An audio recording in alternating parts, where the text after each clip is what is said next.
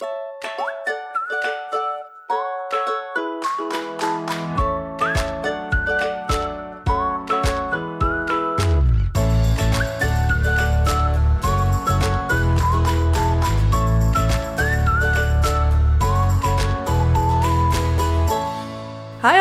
en welkom bij een nieuwe aflevering van de Wat ik wou dat ik wist podcast. De podcast waarin ik deel wat ik wel eerder had willen weten en verhalen vertel waar jij je hopelijk in herkent. Deze week gaat de aflevering over op de automatische piloot leven. En dat is iets ehm, wat ik denk ik de afgelopen tijd wel een beetje heb gedaan. Ik zal daar uiteraard straks wat meer over vertellen. Maar ik denk dat we allemaal wel op een gegeven moment in een soort levensfase komen of gewoon een periode waarin je gewoon maar doet wat je moet doen en eigenlijk niet zo heel erg bewust meer in het leven staat en vooral doet wat voor patroon er voor jou geschetst is. Ehm, en dat is prima voor bepaalde periodes, maar ik denk dat het ook heel goed is om af en toe weer even bewust te worden van waar je mee bezig bent en of dat nog wel in lijn is met alles wat je eigenlijk in het leven wilt. Dus ik ga je daar wat meer over vertellen. Over ehm, ja, hoe ik dat bij mezelf heb ontdekt. Wat ik er aan heb gedaan en hoe ik erover denk. Ehm, dat hoor je allemaal in het hoofdonderwerp verderop in de aflevering. Maar zoals altijd begin ik even met een terugblik op mijn week. Ehm, wat heb ik allemaal gedaan afgelopen week? Ik heb vrijdag best wel iets drastisch gedaan. Ik ben namelijk naar de kapper gegaan en ja, je moet iets over mij weten. Ik ben gewoon eigenlijk altijd mijn hele leven blond geweest. Ik kwam echt als zo'n wit blond Nederlands kind. Ehm, ik wou zeggen op de aarde, maar ik was de eerste twee jaar van mijn leven kaal. dus uh, als kind had ik uh, heel erg wit blond haar. En dat veranderde uiteindelijk een beetje naar ja, een beetje assig blond. Uh, iets meer richting donkerblond toe. En toen ben ik denk 16, 17, 18 was, ben ik wat highlights gaan zetten om me toch weer een beetje naar dat witblonde terug te krijgen. Ik heb ook nog wel meegedaan met de trend dat je bijna grijs haar had. Dat je het echt heel uh, cool maakte. Dat is ook nog wel eens een beetje uitgeslagen naar blauw. Ik heb ook wel eens een beetje een faal bij de kapper gehad dat het soort van roze uitsloeg. Terwijl ik een, gewoon een, een soort roze tintje erin wilde hebben. Toen kwam ik met knalroze haar terug. Maar uiteindelijk was ik gewoon meestal blond. Ik heb nooit echt een andere haarkleur gehad dan dat. En ehm, de laatste tijd ben ik ja, een beetje uh, geïnspireerd geraakt door mensen die ik online zag, die hun haarkleur veranderden van blond naar koper. Dus een soort rode tint eigenlijk. Ehm, ginger, hoe je het wil noemen, maar dan wel op een hele mooie, mooie natuurlijke manier. Niet echt dat oranje, maar meer, ehm, ja, een beetje zo bruin-rood. Oranje. nee, niet oranje, bruin-rood zou ik het eerder noemen. En ik zag steeds meer mensen dat doen. En ik zag steeds vaker voorbij komen. En toen begon ik er een beetje over na te denken hoe dat bij mij zou staan. En ehm, elke keer als die gedachte opkwam, wat nogal vaak was, dan wist ik hem ook weer vrij snel weg te duwen. Van ja, dat staat mij toch niet. Of dan Um, kan ik het niet meer uit mijn haar krijgen? Dat vind ik straks heel lelijk en dan kan ik niet meer terug. Want dan las ik weer online dat het een van de moeilijkste kleuren is om uit je haar te krijgen. En toen dacht ik, ja, waarom moet ik het ook veranderen? Want ik vind het eigenlijk heel erg mooi, mijn haarkleur nu. Ik ben er eindelijk super blij mee hoe het nu is. Dus waarom zou ik er dan wat aan gaan doen waarmee ik het kan verpesten? Nou, mijn vriend die moest dit al ongeveer een jaar aanhoren. Elke keer liet ik dan een foto zien of zo'n video van een meisje die haar haar in die kleur had. En dan zei ik weer, zal ik dat ook doen? En zei hij, ja, ga je toch nooit doen. Ga je toch nooit doen. Hij kent mij ook een beetje dat ik daar toch iets te pussy voor was. En um, uiteindelijk heb ik toch afgelopen vrijdag, besloten om het te gaan doen. Dus ik zat ook in die kapperstoel en zei, nou, uh, wat wil je? Een beetje zo ervan uitgaande dat ik het weer gewoon een beetje blonde highlights wilde of zo. Dus ik zei, nou, ik wil best wel iets drastisch doen. Dus zei ze, oh, ik pak mijn kruk erbij. Vertel, vertel, vertel. Dus zij vond het ook helemaal leuk om ja, toch wel een wat grotere transformatie te doen. Kan ik me ook wel voorstellen als kapster. En um, ik maakte ook heel duidelijk wat ik nou precies wilde. Dat ik één specifieke tint wilde. En dat ik heel erg bang was dat het op een andere manier uit zou slaan. Maar ze verzekerde me ervan dat dat niet zou gebeuren. En uiteindelijk was dat ook niet het geval. En was het eigenlijk precies waar ik naar op zoek was. Um, het is natuurlijk wel eventjes chockerend om jezelf opeens met een andere haarkleur te zien. Maar um, het was ook weer niet zo heftig dat ik er dat ik dacht, oh mijn god, wat heb ik gedaan? Het was eigenlijk, het voelde gelijk wel goed of zo toen ik in de spiegel keek. En um, toen heeft ze buiten ook nog foto's gemaakt. Dat is ook altijd even spannend, want dan kan zo'n kleur weer heel anders tonen. Maar ook die foto's die ik zag, vond ik mooi. Toen dacht ik, nou, oké, het is goed. Ik, heb, uh, ik ben blij dat ik dit heb gedaan. En uh, ja, nu nog alle reacties. Want ik had dus eventjes aan niemand behalve mijn vriend verteld dat ik dit ging doen. Omdat ik ook gewoon eigenlijk mijn beslissing niet nog moeilijker wilde maken door allemaal andermans meningen erbij te betrekken. Dus ik um, kwam thuis en mijn vriend vond het gelijk super mooi, gelukkig. En hij is bloedeerlijk, dus hij zou het ook echt zeggen als dat niet zo was. Dus daar was ik al uh, heel blij mee. En toen was ik uh, s'avonds naar mijn ouders gegaan. Die schrok zich helemaal kapot. Die zat echt, oh, wat heb je nou weer gedaan? Dat was letterlijk het eerste wat ze zeiden. Ja, ouders kunnen ook zo direct zijn. Um, in ieder geval mijn ouders wel. En nog steeds moet mijn moeder er wel aan wennen, zegt ze. En uh, vriendinnen hebben het inmiddels gezien. Nou, weet je, dus je, weet altijd wanneer iemand um, het echt mooi vindt. En wanneer ze gewoon zeggen dat ze het mooi vinden of niet zeggen. Weet je, dan weet je ook wel genoeg. Maar het bijzondere vond ik dat, ik het, dat het me eigenlijk niet zo heel erg veel boeide. In het verleden heb ik wel eens veranderingen in mijn uiterlijk gehad. Ik heb het in 2019 opeens heel kort geknipt. Um, toen, wist ik, toen ik, had ik veel meer het gevoel van dat ik soort van de goedkeuring van anderen over moest hebben. En nu dacht ik, ja, leuk als iemand het ook mooi vindt. Maar ik ben er gewoon zelf blij mee en dat vind ik het allerbelangrijkste. En dat is zo chill. Dat is echt wel een verandering ten opzichte uh, van vroeger. Terwijl ik ben in principe niet een persoon die heel erg leunt op de mening van anderen. Maar ik denk dat je dat toch wel automatisch doet als je ook wat jonger bent. Um, nou ja, uiteraard eventjes uh, de, de koep op Instagram geïntroduceerd. En dat was ook wel heel erg leuk om uh, te lezen wat iedereen ervan vond. Dus um, nou, nu is het helemaal oud en niet open. Ik heb alleen af en toe nog een werkafspraak. Dat je mensen een beetje zo twijfelachtig ziet kijken van... Er is iets anders aan, maar ik weet het even niet.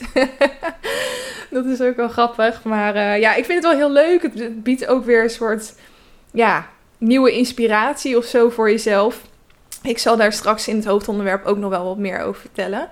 Maar goed, dat was dus uh, vrijdag. Uh, S'avonds hebben we Sinterklaas gevierd. Tussen aanhalingstekens met vriendinnen. We hebben eigenlijk dit jaar niet zo veel uh, ermee gedaan. Als in dobbelen of um, cadeautjes met gedichten of zo. Daar hadden we eigenlijk allemaal niet zo'n zin in. Dus we zijn gewoon gezellig een avondje bij elkaar gekomen met wat Sinterklaas snacks. En we hadden genoeg te bespreken met elkaar. Dus um, ja, dat was ook een gezellige avond.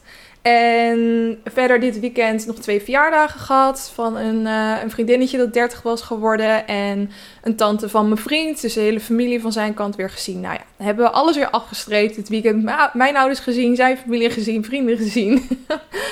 maar ik vond het wel echt een heerlijk uh, herfstweekend. Voelde gewoon wel heel erg knus of zo. Uh, echt zo, ja, overal lampjes en lekker binnen. Ja, ik, jullie weten hoe erg ik geniet van deze tijd van het jaar. Dus uh, ja, dat vond ik wel echt uh, top. Was een lekker weekend. Dus ik hoop dat jij ook een lekker weekend hebt gehad. Voor mij is het dinsdag, dus de week, nou ja, morgen is hij alweer halverwege. Lekker aan het werk nu en een podcast voor jullie aan het opnemen. Dus um, we gaan door naar het lekker loeren blokje. Waarin ik kijk wat voor celebrity nieuws er allemaal is geweest wat de BN'ers hebben uitgesproken afgelopen week. En um, nou, het eerste wat ik zag is dat Pete Davidson aan het daten is met, jawel, weer een model. Nou ja, weer. Uh, met model, um, namelijk met Emily Radikowski. En uh, zij is een heel succesvol model. Ik denk dat je ergens wel eens hebt gezien. Misschien dat de naam je niet direct iets zegt, maar als je het googelt, dan weet je het denk ik wel. Zij zat toch ook in die videoclip van I know you want it. Dan rennen ze zo naakt door het beeld heen. Dat is volgens mij ook zij. Maar Pete Davidson, die is dus met haar aan het uh, daten. Ze was al eerder gespot. Namelijk met um, uh, tijdens uh, toen ze ergens op straat hand in hand liepen. Maar dat wilde ze eigenlijk een beetje verbergen. Toen renden ze weg van de pers. Van, nou toen was het nog allemaal iets te pril. Alleen nu zijn ze dus ook samen gespot bij een basketbalgame. Volgens mij waar ze, op de, ja, waar ze op de tribune zaten samen. Overigens wilden ze elkaar daar niet aanraken. Ze hebben alleen netjes naast elkaar gezeten. Um, maar het was wel overduidelijk een date. Ja, die uh, Pete Davidson die doet het toch maar goed, hè? Want die heeft natuurlijk met Ariana Grande gehad. Met uh, Kate Beckinsale. En met, Kate, met Kim Kardashian. En nu dan ook nog met Emily Ratajkowski. Ja, het zijn allemaal wel prachtige dames. En um, ik, je, zo zie je ook maar dat een, goede humor en een goede persoonlijkheid, dat dat dus ook uh, heel veel doet. Want ja, misschien vinden, zijn er wel mensen die hem echt super knap vinden, maar ik vind hem niet heel erg aantrekkelijk. en ja, je ziet toch wel vaak in Hollywood dat uiterlijk heel erg belangrijk is en dat koppeltjes toch ook bijna, ze lijken soms bijna gematcht op uiterlijk, weet je wel? Dat ze een power koppel zijn en zo. En um, ja, dit, dit, dit voelt voor mij wel als afwijkend van de norm in Hollywood. Dus dat vond ik wel grappig om te zien. En uh, Emily Redekowski die heeft trouwens ook een kindje van één jaar. Uh, want ze was getrouwd met acteur Sebastian Bermeclaert. Die ken ik zelf niet.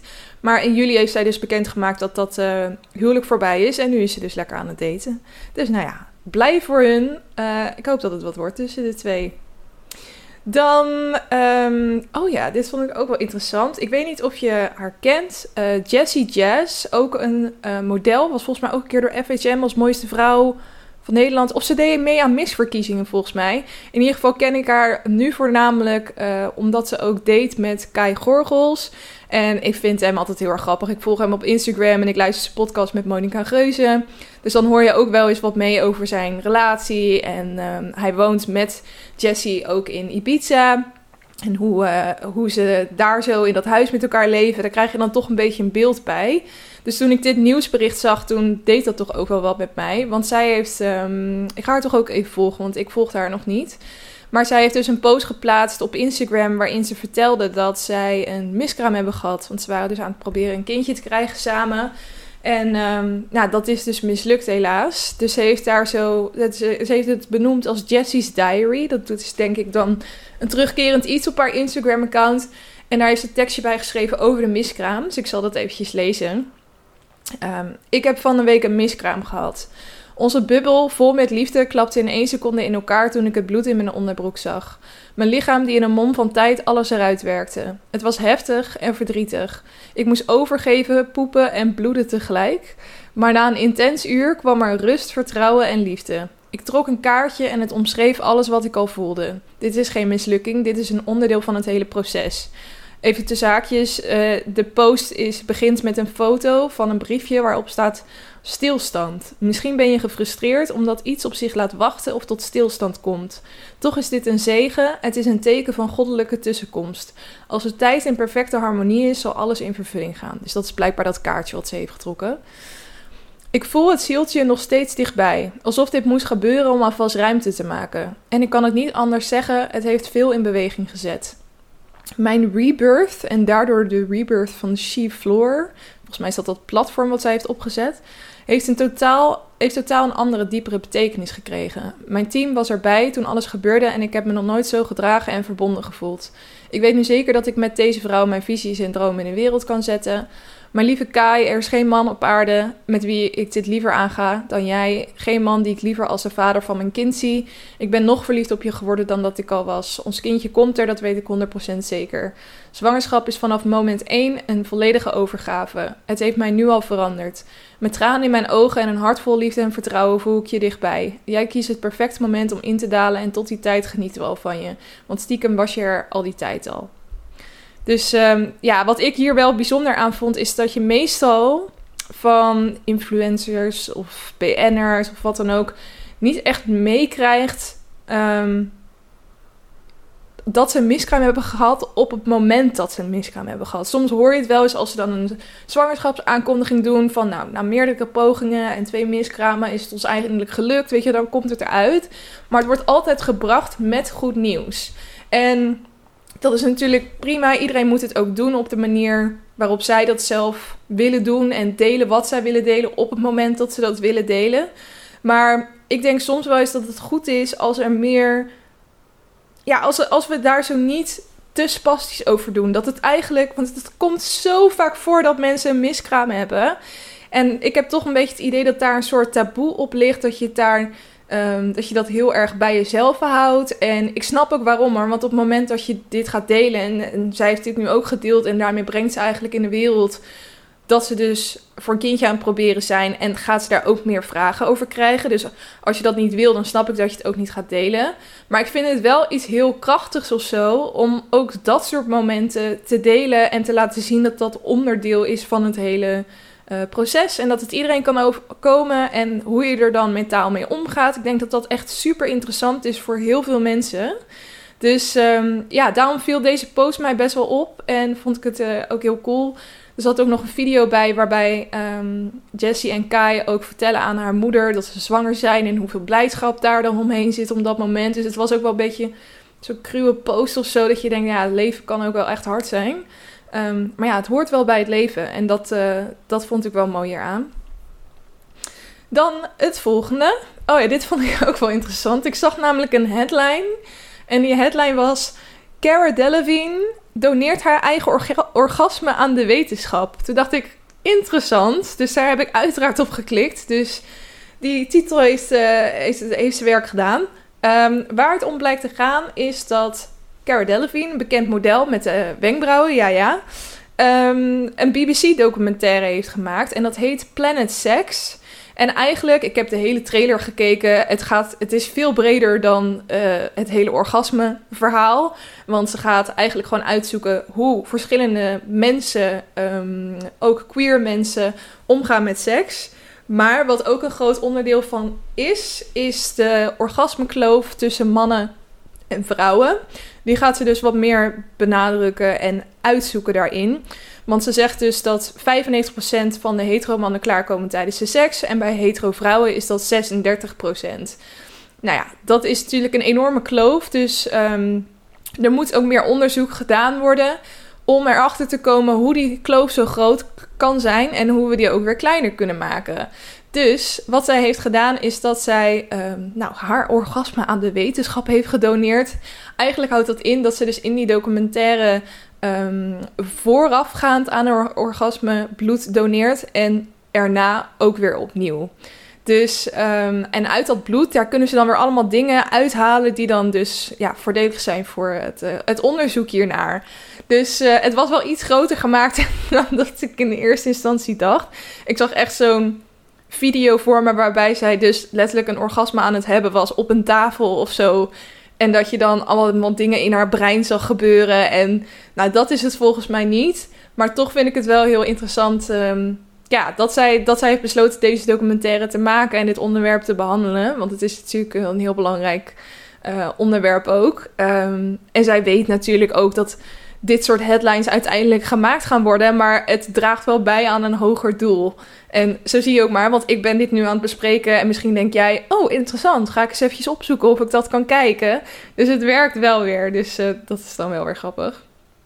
Oké, en het laatste wat ik wilde bespreken is dat de kandidaten van Wie is de Mol 2023 bekend zijn gemaakt. Um, ik vind dat altijd zo'n goed programma. Het zit zo ontzettend goed in elkaar. Het blijft altijd spannend tot het eind.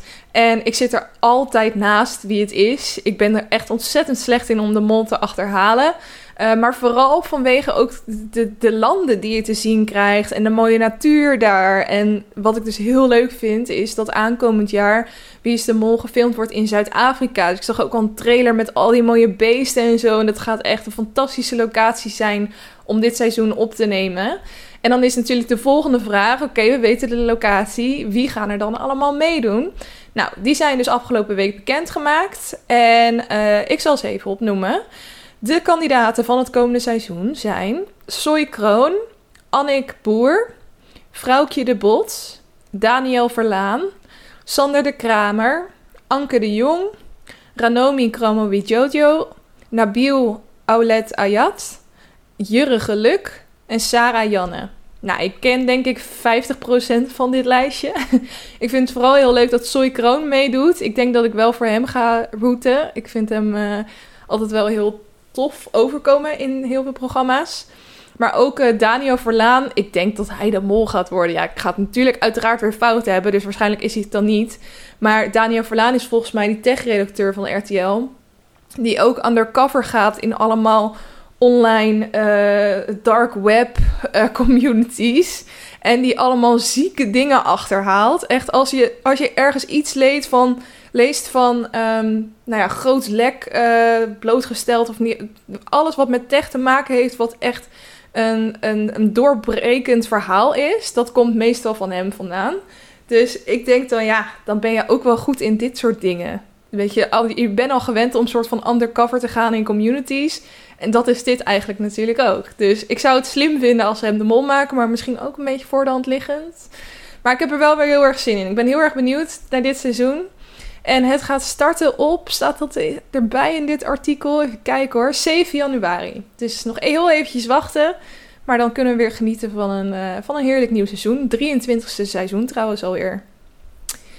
Oké, dan gaan we door naar het Lekker Leven blokje waarin ik allerlei tips geef om jouw leven leuker en lekkerder te maken. Ik begin even met een kijktip, namelijk de Netflix film The Swimmers. Ik zag hier een trailer van voorbij komen, volgens mij op TikTok. En um, ik dacht direct, volgens mij is dit een steengoede film. En ik had ook echt gelijk, want ik raad hem nu aan iedereen aan. Als iemand nog vraagt, heb je een tip voor Netflix, dan is dit het eerste wat ik zeg. Um, de film gaat namelijk over uh, twee meiden uit Syrië. En um, je ziet eigenlijk uh, hoe het steeds slechter aan toe gaat in hun land. En ondertussen proberen zij Olympische, uh, ja, toch wel medaillewinnaars te worden uh, in de categorie zwemmen. Dus zij zijn uh, zwemmers en zijn aan het trainen voor uh, de Olympische Spelen.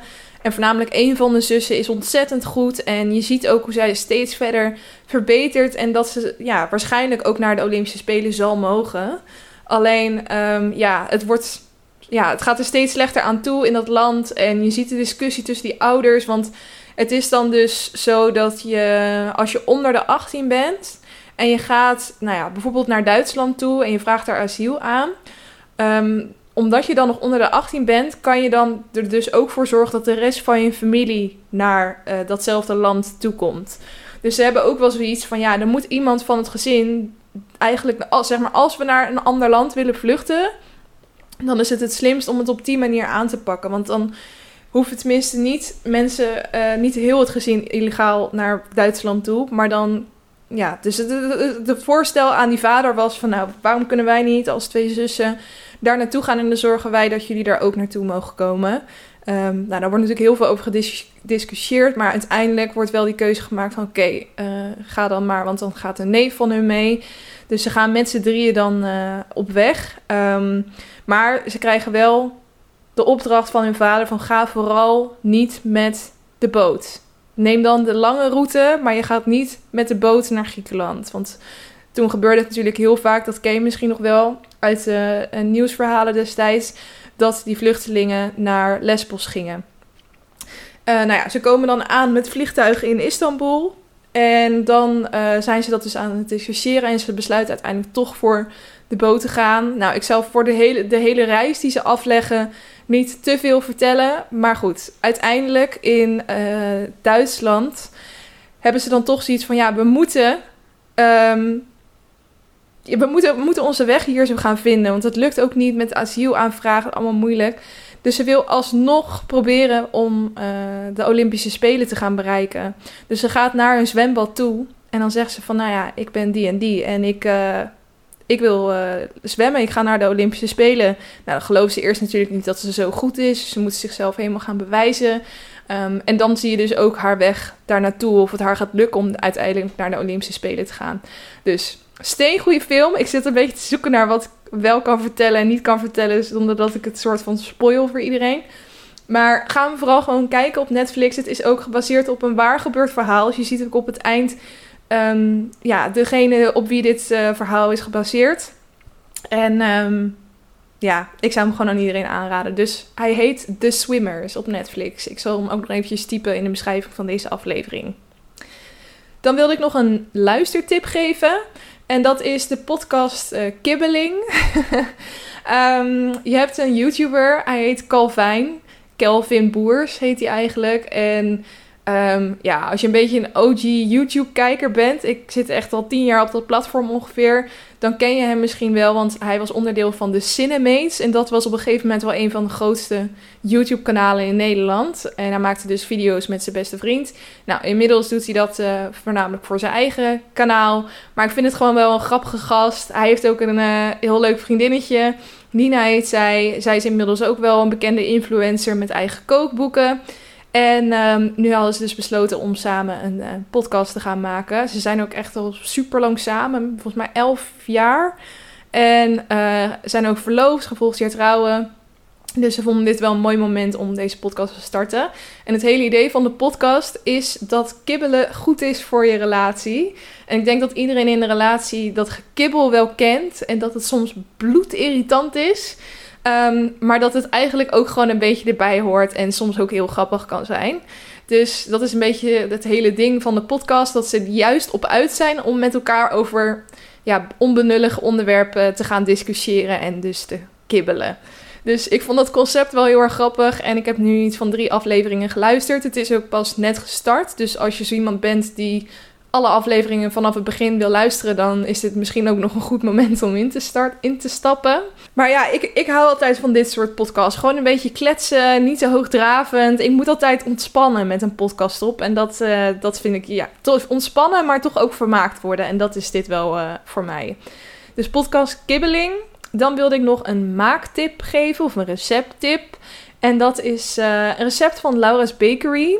Als je houdt van zoetere dingen bakken, dan is dat wel echt een ideale site. Ook eigenlijk altijd als ik een recept voor een taart of voor koekjes opzoek, dan komt daar een site wel redelijk bovenaan uh, te staan. En vaak krijgen die ook nog eens hele goede reviews. Want soms kan je ook, zij, of, zeg je dat, uh, sterren geven voor een recept. Vind ik altijd heel handig om daar naar te kijken. En dan staat die van haar ook best wel hoog. En um, ik had afgelopen weekend gewoon echt weer eventjes zin om te gaan bakken. Ik doe dat gewoon veel te weinig, terwijl ik het zo leuk vind om te doen. Dus daar baalde ik gewoon een beetje van. Dus ik zei tegen mijn, vriend toen we van die verjaardag kwamen: van als ik thuis kom, dan ga ik iets bakken. Maar wat zal ik bakken? Want mijn vriend is dus echt zo'n hartig persoon. En uh, dus hij zei gelijk, uh, een quiche. nee, ik wil iets zoets bakken. Een taart, koekjes, broodjes, iets. En toen zei hij van, um, doe anders um, van die uh, kaneeldingen, van die cinnamon rolls. Dus dacht ja, dat vind ik leuk, want dat heb ik nog nooit eerder gemaakt. En uh, dat vind ik zelf ook mega lekker. Dus dan ben ik gaan opzoeken hoe je dat kan maken. En ik had al een keer eerder ergens gezien dat ja, je kan natuurlijk echt het volledige proces doorlopen en ook dat deeg laten rijzen en zo. Maar goed, dan ben je echt wel een aantal uur bezig. Maar dat je ook een snelle versie hebt en dat uh, maak je met croissantdeeg. Dus toen dacht ik, hey, dat is misschien wel leuk. Dus toen ben ik dat gaan googlen. Toen kwam ik dus op het recept van Laura's Bakery uit. En uh, dat is dus een recept voor snelle cinnamon rolls. Ik zal hem ook weer eventjes linken in de beschrijving. En um, daarmee ben ik aan de slag gegaan. Ik twijfelde nog even of het wel goed ging, want um, ik had via Gorilla's wat ingrediënten besteld. En ze hadden per ongeluk gezouten boter meegegeven in plaats van normale boter. Dus ik likte op een gegeven moment uh, een beetje aan het beslag wat ik had gemaakt, wat ik over dat croissantdeeg moest smeren. En toen dacht ik, oh, dit is super zout. Maar ze hebben echt fantastisch uitgepakt. Zijn mega lekker. En daarna ook van dat glazuur eroverheen gedaan. En het, het, ja, het, ze zijn wel heel erg zoet. Ik ga iets minder suiker erin doen de volgende keer. Want ik heb veel meer suiker gebruikt dan in het recept stond. Want ik dacht, ja, zo ziet het er nooit uit op de plaatjes. Volgens mij moet er meer suiker op. Dat was iets te veel. Maar daardoor zijn ze wel erg verslavend en lekker nu. Um, maar ik wilde die toch even stippen, want het is echt super makkelijk om te maken. Ook heel leuk om te doen, vond ik. En ik denk dat je iedereen in je omgeving er blij mee maakt. Dus um, link staat in de beschrijving. En tot slot wilde ik een leestip geven, want het is uh, het eind van de maand alweer. Het is eind november. Dus ik ga een tip geven voor december. Mocht je dit concept nog niet kennen, elke maand kies ik een boek uit. En uh, ja, vind ik het ook leuk om dat boek te benoemen. In de hoop dat er misschien ook wat andere mensen mee gaan lezen. Of uh, dat je misschien op je lijstje kan zetten. En vaak vertel ik dan ook weer hoe ik een boek heb ervaren de afgelopen maand. Dus dat, om even op dat laatste terug te komen. Ik zou dus in de maand november het boek Roadtrip van Susanne Vermeer gaan lezen. Super leuk, want dat speelt zich ook in Amerika af. Daar heb ik een roadtrip gedaan een paar weken geleden. En ehm, dat past dan dus helemaal bij dat verhaal. Nou, super enthousiast begonnen, maar ik had eigenlijk verwacht in Amerika heel veel te lezen. En dat is er dus zo goed als niet van gekomen, want we waren echt alleen maar uit het raam aan het kijken. En ik merkte ook dat toch wel zoveel hobbelt, zo'n camper, ehm, dat ik ook een beetje misselijk word als ik dan echt zou gaan lezen. Dus ik was eigenlijk helemaal niet ver gekomen in dat boek. En in Nederland voelde het gewoon niet zo goed om dat, om dat weer te gaan lezen. En nu denk ik, waarom? Ik had dat gewoon moeten lezen. Maar oftewel, ik heb hem nog niet uit. Maar hij blijft wel op mijn lijstje staan. En uh, ik heb lezen ook hoger als prioriteit uh, op mijn lijstje gezet. Dus hij komt er nog aan. Maar ik wilde toch alvast een boek voor december kiezen. En dat boek is Everything I Know About Love van Dolly Elderton. Misschien heb je wel eens de voorkant van het boek ergens voorbij zien komen. Want um, dan zie je dus dat er eigenlijk nog wat tussen staat. Want de titel is Everything I Know About Parties, Dates, Friends, Jobs, Life, Love. Alleen uh, Parties, Dates, Friends, Jobs, Life is dan doorgestreept. Dus um, dat is natuurlijk een beetje lastig om uit te leggen op deze manier. Maar misschien als je de voorkant van het boek wel eens ergens hebt gezien, dat het je nu bekend voorkomt. Um, ik zal even voorlezen waar het boek over gaat. Dolly weet alle liefdesperikelen waarin een vrouw verzeld kan raken op een aanstekelijke, komische en indringende manier te verwoorden. De lezer volgt haar van de middelbare school en de universiteit naar het werkende leven deelt in haar liefdevolle vriendschappen, haar worsteling met zichzelf, haar bijrol als vijfde wiel aan de relatiewagen, haar rampzalige one-night stands en in de nieuwe inzichten die dit alles haar elk jaar opleveren. Tegelijkertijd laat het boek zien dat het verkennen van al die vormen van liefde ook hartverscheurend en vol tegenstrijdigheden kan zijn. In haar succesvolle debuut combineert Dolly Alderton persoonlijke verhalen, satirische observaties, lijstjes en recepten tot een wervelend geheel dat voor veel vrouwen herkenbaar zal zijn. Het weet de toon van elke nieuwe levensfase op een weergeloze manier te vangen met een nostalgische knipoog naar de jaren 90. Nou, volgens mij is er geen ander bestaand boek dat zo goed bij mij en misschien ook wel de podcast zou passen als dit. Want dit, dit is gewoon precies wat ik interessant vind om te lezen, wat ik interessant vind om het over te hebben, waar ik het met vriendinnen over heb. Dit is gewoon top. dus zodra ik las waar dit boek over ging, dacht ik, ja, die ga ik op mijn lijstje zetten. Dus dat wordt het boek van uh, de maand december. Het is volgens mij ook wel echt een bestseller in ieder geval. Ik zie hem echt heel vaak voorbij komen. Ook in stories van vriendinnen dat ze die hebben gelezen. Um, dit moet echt een, uh, een toppertje zijn. Dus ik ben heel erg benieuwd. Um, ik heb aardig wat te doen in de maand december op leesgebied. Maar dat vind ik alleen maar heel erg leuk. En ik denk dat dat ook een heel mooi moment ervoor is.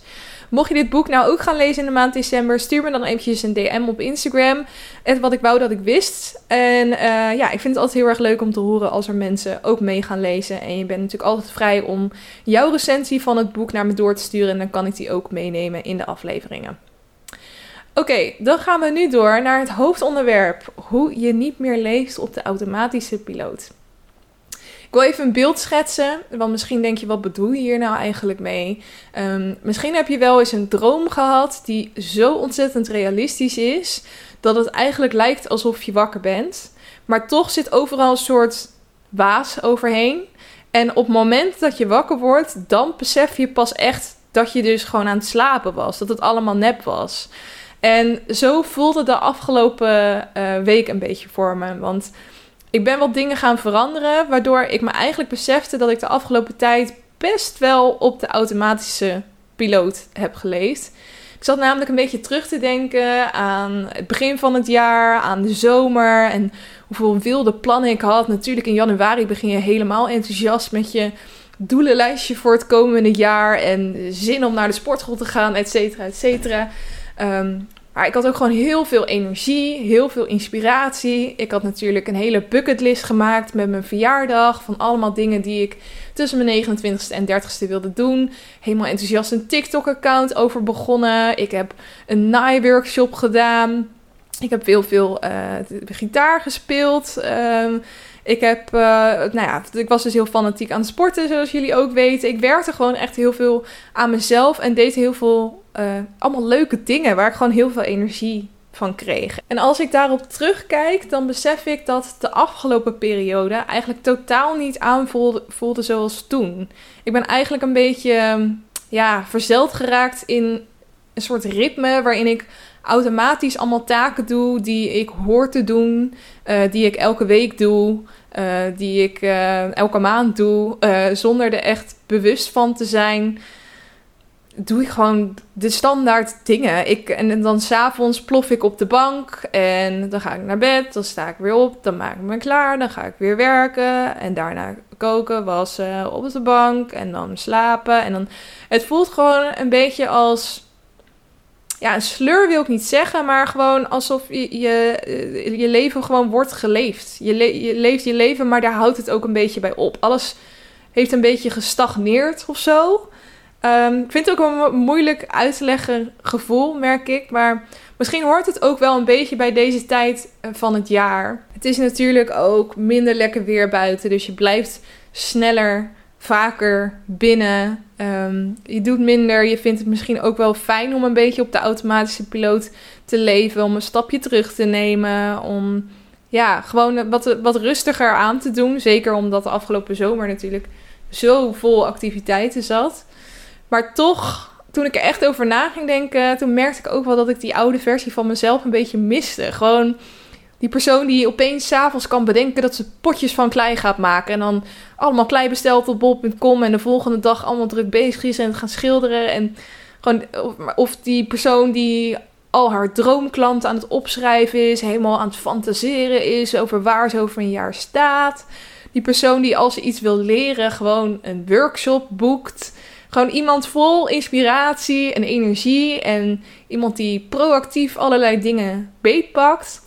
En toen ik daarop terug aan het reflecteren was, toen dacht ik echt, ah, zo zonde dat ik dat gewoon niet meer ben, niet meer doe de afgelopen tijd. En ik wilde gewoon heel graag die versie van mezelf weer terug hebben. En toen besloot ik toch wel van, ja, oké, als je dat wil, dan moet je ook wel wat veranderingen gaan aanbrengen. En hoe ga je er dan voor zorgen dat je uit dat automatische ritme komt? Want dat is natuurlijk ook weer makkelijker gezegd dan gedaan.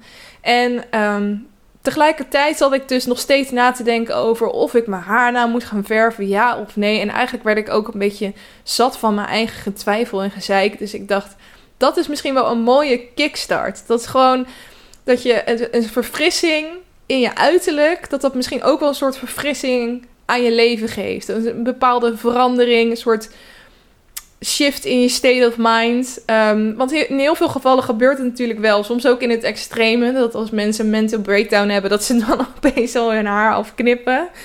Maar uh, het kan soms ook gewoon zorgen voor ja, een soort transformatie waar je naar op zoek was. Dus ik dacht, ik doe het gewoon. Ik ga gewoon, fuck it. Ik ga die afspraak boeken. En ik ga niet, I'm not gonna be chicken about it. Ik ga gewoon mijn haar rood maken. Dus nou ja, zo gezegd, zo gedaan. Dat hele verhaal uh, hebben jullie gehoord. En um, ja, ik vond het gewoon iets voor mezelf. En het, het bood ook gelijk inspiratie. Elke keer als ik in de spiegel kijk, dacht ik: hé, hey, wie is dat? Die ken ik nog niet. Cringe, maar het is wel een beetje waar, toch? Dat je dan toch weer een soort adrenaline kick kan krijgen als je iets in je uiterlijk hebt veranderd waar je heel lang over twijfelde en wat dan ook nog heeft uitgepakt zoals je het in gedachten had. Um, je gaat dan ook opeens anders naar je kleding kijken. Ook van misschien kan ik hier wel andere outfits mee maken. Of um, misschien wil ik ook wel een tatoeage. Misschien wil ik ook wel een piercing. Nee, grapje. Dat ga ik allemaal niet doen. In ieder geval staat niet op de planning voor de nabije toekomst in ieder geval. Maar het, het laat je wel. Het, meer nadenken over de mogelijkheden die er allemaal zijn. En dat als je eenmaal zo'n stap hebt genomen, dan ga je denken: oh, dit was eigenlijk helemaal niet zo heel spannend. En kijk wat het me oplevert qua plezier en inspiratie. Um, waar heb ik me al die tijd druk over gemaakt? Weet je wel? Dus het, het gaf voor mij gewoon weer heel veel vrijheid. En um, ja, ook wel een soort boost of zo. En dat kon ik gewoon heel erg goed gebruiken op dat moment. Dus, um, en wat ik dus ook merkte, is dat ik me gewoon wat minder aantrek van andermans mening tegenwoordig. En dat werkte ook heel erg bevrijdend. Waardoor ik ook dacht van, waarom doe ik allemaal dingen niet? Die, waarom zou ik het niet doen? Weet je wel? Gewoon meer zo'n fuck it mindset. Dat is het, die voelde ik gewoon direct nadat ik mijn haar had gedaan. En dat, uh, dat voelde heel erg lekker. En um, toen dacht ik, ja, dit was eigenlijk precies die start die ik nodig had om een beetje uit dat ritme te breken. En hoe ga ik dit nou doorzetten? Nou, dan kom ik op het volgende wat ik heb gedaan. Is namelijk iets anders wat ik afgelopen week heb gedaan. Ehm, geen tatoeage gezet, geen piercing, jongens, maak je niet druk. maar ik heb een uh, soort nieuwe morning routine. Ik ehm, ben, ja, het is eigenlijk een week die ik aan het doen ben, waarin ik elke dag uh, vroeg opsta. Misschien heb je me ook al eerder in een andere aflevering gehoord over het Miracle Morning boek. Dat is een boek dat helemaal gaat over um, ja, hoe je als je vroeger opstaat, en daar werd dan vijf uur ochtends aangeraden, uh, meer een moment voor jezelf kan creëren waarop de wereld nog slaapt. Je geen appjes binnenkrijgt, geen mailtjes binnenkrijgt, geen uh, werkdruk voelt. Want iedereen slaapt nog. Niemand hoeft iets van je. En het zijn uurtjes die helemaal van jouzelf zijn. En dus heb je alle ruimte om die te besteden hoe je zelf wil. Om even stil te gaan staan door te gaan mediteren. Om te sporten, omdat je altijd zegt dat je daar nooit aan toe komt. Maar ook om te journalen, om je gedachten eens echt goed op een rijtje te zetten. Of om werk te doen. Een soort privé-passieproject waar je normaal nooit tijd voor hebt. Dat zijn echt jouw uurtjes. En dat is iets wat me daar heel erg in aansprak. Ik heb toen ook zo'n week gedaan dat ik elke dag om vijf uur s ochtends opstond. En het hele riedeltje doorliep wat in dat boek wordt aangeraden. Daar heb ik ook een hele podcastaflevering over gemaakt. Dus het is wel heel erg leuk om die te luisteren als je die nog nooit hebt geluisterd. Um, maar eigenlijk kwam ik dus weer zo'n concept uh, tegen. Want ik zit tegenwoordig, nou, dat heb ik wel eens eerder verteld, op kantoor met allemaal andere freelancers. En er is dus ook één freelancer die uh, dus een soort community heeft. En de Glow Community heet dat. Het is van Laurentine van Landigen, misschien ken je het haar. En zij, uh, ze is uh, Vlaams trouwens. Dat vind ik ook heerlijk om naar te luisteren altijd. En zij heeft dus een uh, Glow Morning Routine Week gecreëerd. Wat het eigenlijk inhoudt, is dat we elke ochtend om half zeven samenkomen via Zoom. En dan heeft zij iets geregeld. Dus er is iemand die um, iets vertelt over slaap. Iemand die een meditatie gaat geven. Iemand die een soort stretchles geeft. En vandaag was het een, een soort mini-workout. Niet een hele heftige workout. Maar gewoon dat je je lichaam eventjes in beweging zet. En vaak zit er ook een soort onderdeel bij van dat je reflecteert op je dag, wat je allemaal gaat doen vandaag, um, waar je dankbaar voor bent, dat je echt een soort journal momentje en een opdracht uh, voor die dag. En ik kreeg dat dus uh, te horen van dat, dat ik daaraan mee kon doen. Toen dacht ik, nou, dat lijkt me wel wat. Maar dat was alweer weken geleden dat ik me daarvoor had ingeschreven. En nu kregen ze een mailtje van, nou, aankomende week is het zover. En toen dacht ik, oh, ik heb eigenlijk helemaal geen zin om vroeg mijn bed uit te gaan aankomende week. Toen dacht ik, nee, wacht, dit is een perfect moment... Om dit gewoon beter te pakken en om dit aan te grijpen als een kans om dus weer ja, van die automatische pilootstand af te komen. Dus ik ben dat gaan doen. Dus, uh, nou ja, vandaag was pas de tweede dag. Dus uh, maandag en dinsdag heb ik gehad. Maar ik merkte gelijk toen ik zondagavond ging slapen al het verschil dit door.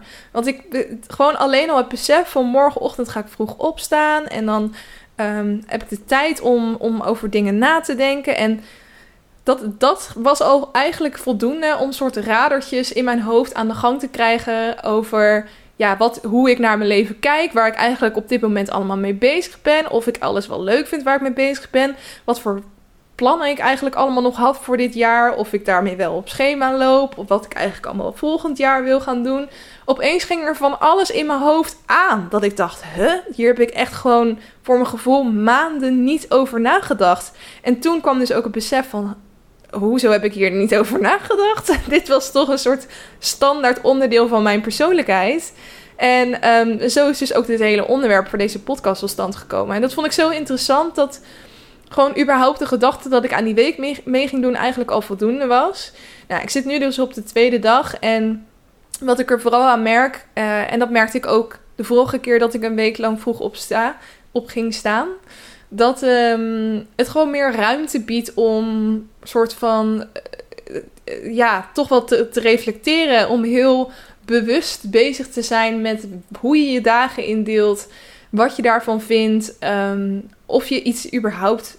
Hoe je leven nu gaat. Of je dat leuk vindt of niet. Het is heel raar om het misschien zo te zeggen. Maar ik denk dat je toch de periodes hebt waarbij je daar totaal niet over nadenkt. Je doet het gewoon allemaal maar. En wat je er precies van vindt, ja, uh, prima, best. Oké, doei. Hoe gaat het op je werk? Ja, goed. Oké, doei. Weet je wel, op zo'n manier.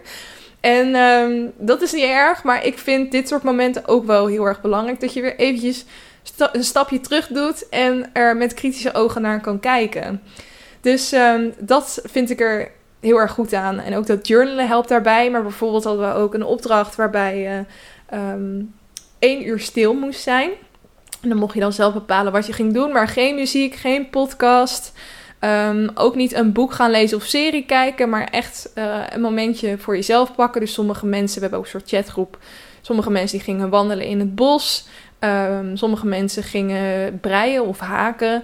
Uh, ik ging dan in een, een, boekje wat dingen opschrijven. Dus ik ging bijvoorbeeld opschrijven. Um, nou ja, eigenlijk gewoon alle gedachten die in mijn hoofd opkwamen van dingen die op dit moment spelen in mijn privéleven en mijn werkleven en wat ik daar allemaal van vind. Dus dat bracht eigenlijk ook die trigger om daar wat, wat meer over na te denken. En daarna ben ik allemaal lijstjes gaan maken van dingen die zeg maar in mijn hoofd blijven opstapelen. Uh, echt zo gek kan je het niet bedenken van de dingen die ik voor kerst wil vragen, tot de dingen die ik morgen allemaal moet doen, tot een lange termijn doelenlijstje wat ik nog af wil werken, tot um, ja, de, de, de, plannen. Oh, ja, daar had ik ook nog opgeschreven waar ik denk dat ik over vijf jaar ben en hoe mijn leven er dan uitziet. Vond ik ook heel interessant om te schrijven. En daar had ik gewoon makkelijk een uur aan besteed. En dat vloog ook echt voorbij. En op het moment dat ik mijn pen neerlegde, voelde ik al zo'n last van mijn schouders afvallen. En voelde ik me eigenlijk alweer zo goed. Um, dat ik dacht, ja, ik ben toch heel, heel, heel erg blij dat ik uh, nu weer met zo'n soort week meedoe. In, eerste instantie vond ik dit soort dingen altijd allemaal veel te zweverig. Maar steeds meer ga ik beseffen hoe belangrijk uh, dat soort dingen ook zijn om te doen. En um, ja, ik voel me nu gewoon alweer zoveel beter. Ik heb voor mijn gevoel meer grip op de werkelijkheid. Ik ben wat meer in controle. En ik merk ook dat als je dat soort momentjes in de ochtend al hebt gepakt, dat je dat gevoel ook de hele dag meedraagt. En um, ik constant er ook weer aan word herinnerd om wat meer in het moment te leven. En um, ja, bewust te zijn van wat ik eigenlijk allemaal doe. en wat ik daarvan vind. En hoe ik eventueel mijn leven nog meer kan kneden naar hoe ik het fijn vind en hoe ik het wil. En um, ook bewuster zijn van doelen die ik heb. En dat alles wat ik doe daar ook weer op een bepaalde manier aan bijdraagt. Um, als het goed is, is dat ook zo. En het is ook allemaal heel logisch. Alleen um, soms vergeet je het wel eens. Om daarbij stil te staan en te checken of dat nog allemaal wel zo is. En um, dat heeft me natuurlijk ook wel gebracht op... Uh, ja, hoe ga ik dat dan dit nu doorzetten? Want is dit weer zo'n bevlieging? En zit ik dan volgende week weer op de automatische piloot te leven? Of ga ik dit ook echt doorzetten, dit, uh, dit bewustzijn? Nou ja, ik heb een paar dingen die ik zelf wil gaan doen. Ten eerste um, wil ik wel dit, dit vroeg opstaan blijven doen. Al is het maar een half uurtje eerder dan nodig is. Maar gewoon die tijd gebruiken om te reflecteren op de planning voor aankomende dag, voor aankomende week, voor aankomende maand. Uh, en die wat meer aanpassen naar mijn doelen, naar mijn behoeftes. En um, ja, gewoon overal wat meer bij stilstaan. Ten tweede wil ik meer gaan lezen. dat uh, heb je misschien al begrepen uit deze aflevering. Maar ja, ik ben gewoon echt gek op Netflix, op series, op films kijken. Maar ik merk altijd wel dat lezen me gewoon meer voldoening geeft. Het doet meer voor mijn brein. En ik heb het gewoon veel te weinig gedaan dit jaar. Of in ieder geval, aan het begin van het jaar ging het best wel goed. Maar de laatste tijd niet zo goed.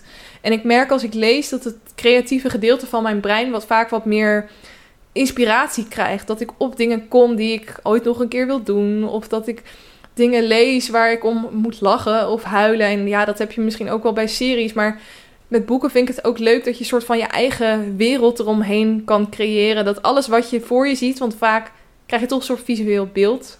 Um, dat dat helemaal iets is wat vanuit je eigen brein komt. En ik denk dat het daardoor ook zoiets is wat mij op creatief gebied heel erg triggert. Uh, en dat is iets wat het kijken van films en series veel minder voor mij doet. Dus dat wil ik meer gaan doen. En um, daarbij komt ook wel dat ik gewoon überhaupt meer aandacht wil besteden aan mijn creatieve, schermloze hobby's. Uh, gitaar spelen vind ik nog steeds heel leuk om te doen. Ik vind het heel leuk om te bakken. Ik vind het leuk om te naaien. Ik vind het leuk om te kleien, om te puzzelen. Maar dat zijn allemaal dingen die ik. Uh, ja, waardoor ik dus eigenlijk op de automatische piloot leefde, was denk ik ook omdat ik dit soort dingen gewoon liet verslonzen. En dat je dus ook niet meer een soort trigger krijgt om op die manier ehm, in het leven te staan überhaupt. Dus die wil ik ook echt wel weer wat meer gaan oppakken. En ehm, tot slot wil ik een, uh, een vision board voor 2023 gaan maken. Volgens mij heb ik dat vorig jaar ook gedaan. Het is volgens mij iets wat ik nu al wel drie, vier jaar doe. Ehm, maar normaal zit dat gewoon, is dat iets waar ik denk ik al veel eerder op was gekomen. En nu bedacht ik het me vandaag opeens oh ja, dat kan ik ook nog doen. Dus ik denk dat als ik op die automatische pilootstand was blijven staan, dat ik ook echt niet over na had gedacht om dit überhaupt te doen. Maar mocht je nog niet weten wat het is, het is eigenlijk een, een moodboard. Maar ze noemen het een vision board omdat je um, dus eigenlijk vooruitkijkt naar het nieuwe jaar. En er allerlei dromen, woorden, beelden opplakt die voor jou staan voor wat je in het nieuwe jaar allemaal wil bereiken. Uh, waar je meer van wil doen, uh, waar je op hoopt. En het idee is dus dat als je dat op een centrale plek in je huis neerzet en vaak naar kijkt, dat dat dan ook echt uit gaat komen. En dat heeft dan denk ik iets met je brein te maken en hoe je dus bewuster daar naartoe werkt. Um, ik heb ook jaren gehad waarbij ik hem niet ergens centraal neerzette, omdat ik dat dan niet mooi vond of zo. maar ik denk dat het maken van zo'n vision board überhaupt al heel inspirerend kan zijn. Het kan ook gewoon een Pinterest board zijn natuurlijk. Je hoeft het niet allemaal uit te printen en ergens op te gaan plakken. Maar dat het zoeken naar beelden en woorden en dat het, dat, dat überhaupt dan trigger is om ja, wat meer na te denken over hoe komend jaar voor jou eruit gaat zien. En hoe je vooral wil dat het eruit komt zien. En in hoeverre je dat dan voor elkaar gaat krijgen, dat is voor de toekomstige jij. Maar het is echt het idee dat je zo breed en zo groot mogelijk gaat dromen. En um, voor mij biedt dat altijd best wel veel uh, ja, soort drive ook voor het aankomende jaar. Maar ook dat ik er heel erg blij van word. Want je gaat eigenlijk een soort versie van jezelf in de toekomst uittekenen die de ideale versie is. En als het dan allemaal niet uitkomt, dan is dat ook niet erg. Want het is gewoon allemaal fictief. En het is uh, eigenlijk ook gewoon een soort leuk spelletje om zoiets te doen. Maar het kan er wel voor zorgen dat je ja, toch iets bewuster daar naartoe gaat werken. Dus um, ik ga dat gewoon weer doen, heb ik besloten. Dus dat zijn vier dingen die ik wil gaan doen om dit gevoel gewoon echt, deze state of mind, een beetje vast te gaan houden de komende tijd. Maar er zijn natuurlijk nog veel meer manieren waarop je dat eventueel kan doen. Sommige mensen vinden het dus heel fijn om te mediteren. Je hebt volgens mij ook allemaal meditatie uh, sessies waarbij je dus ook echt dit thema bijvoorbeeld hebt. Maar je kan ook, uh, je kan zo gek niet verzinnen, maar uh, hoe je niet meer leeft op de automatische piloot is vooral om heel erg bewust te zijn van waar je bent in het leven. En dat kan je dus doen door elke maand of elke, sorry, elke dag een dankbaarheidsdagboekje bij te houden. Of uh, überhaupt heel veel te gaan journalen. Of te gaan mediteren dus. Of iets te gaan doen van de dingen die ik nu heb opgenoemd. Um, ik denk dat dat voor iedereen persoonlijk anders is. Maar uh, ja, dit is wat ik ga doen.